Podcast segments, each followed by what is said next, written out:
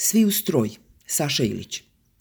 Prošlo je već 36 dana vanrednog stanja, a ja se još nisam navikao na novo računanje vremena, od konferencije za novinare do večernjeg aplauza.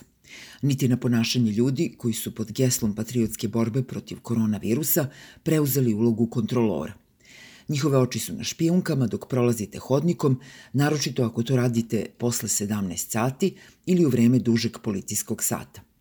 Neki vam pošalju preteću poruku ako primete da se ponašate neodgovorno ili da provocirate italijanski scenariju.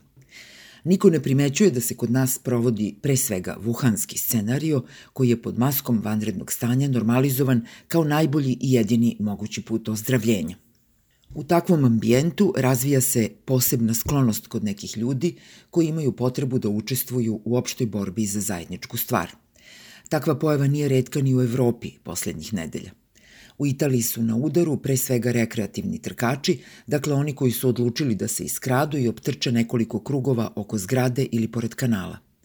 Trkači međutim po pravilu izbegavaju susrete, vrlo često trče uz samu ivicu kolovoza, pa opet ne prestaju da budu na meti onih koji su se odazvali pozivu gradonačelnice Rima Virginije Rađi da preko sajta gradske vlade prijavljuju sve one koji krše propisane mere u vreme pandemije.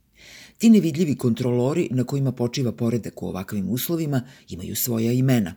U Francuskoj ih zovu mušar, u Španiji čivatos, u Nemačkoj špical – U Srbiji su se međutim još pre pandemije razvile posebne vrste kontrolora kao neprofitne organizacije koje u mirnodopskim, ali i vanrednim uslovima tobože brinu o pravima životinja, kao i onima koji krše disciplinske mere u vreme pandemije. U oba slučaja radi se o nadziranju i disciplinovanju manjinske romske zajednice, a organizacija koja to radi zove se Leviatan.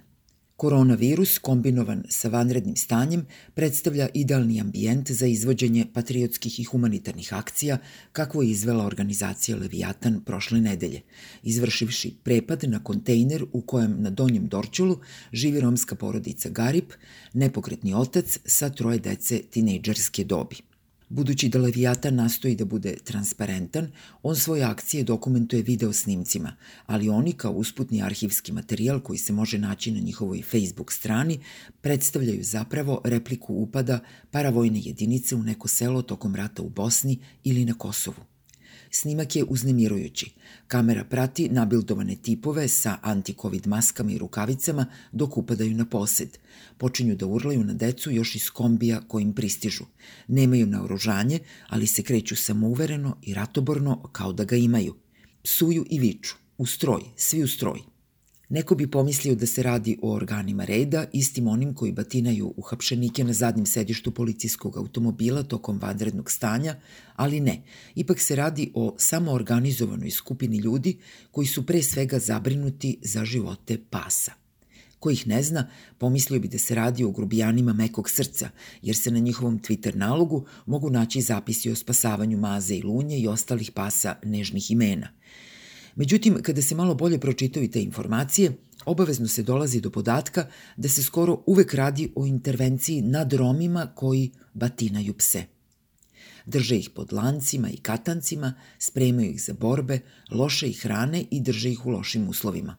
Pripadnici romske manjine su u vokabularu Leviatana nazvani belim medvedima, što je rasistička etiketa izvedena iz fraze o nečijoj zakonskoj prezaštićenosti.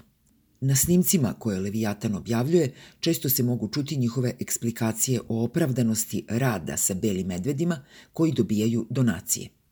Ovaj na izgled humanitarni eufemizam rasplinjava se pred akcijom koja je snimljena na Donjem Dorčulu kada su pripadnici Leviatana upali na posed porodice Garip, postrojili i maltretirali decu i oteli im Stafforda pod geslom spasavanja ukradenog psa od ugroženosti. Policija je brzo reagovala, ali Leviatan je nakon toga nastavio sa radom, pa je na svom Facebook profilu objavio demanti po svim osnovama, naknadno titlujući svoj video materijal i usporavajući iskaze članova porodice Garip i Bojana Savića iz građanske patrole koji je prvi ukazao na ovaj slučaj.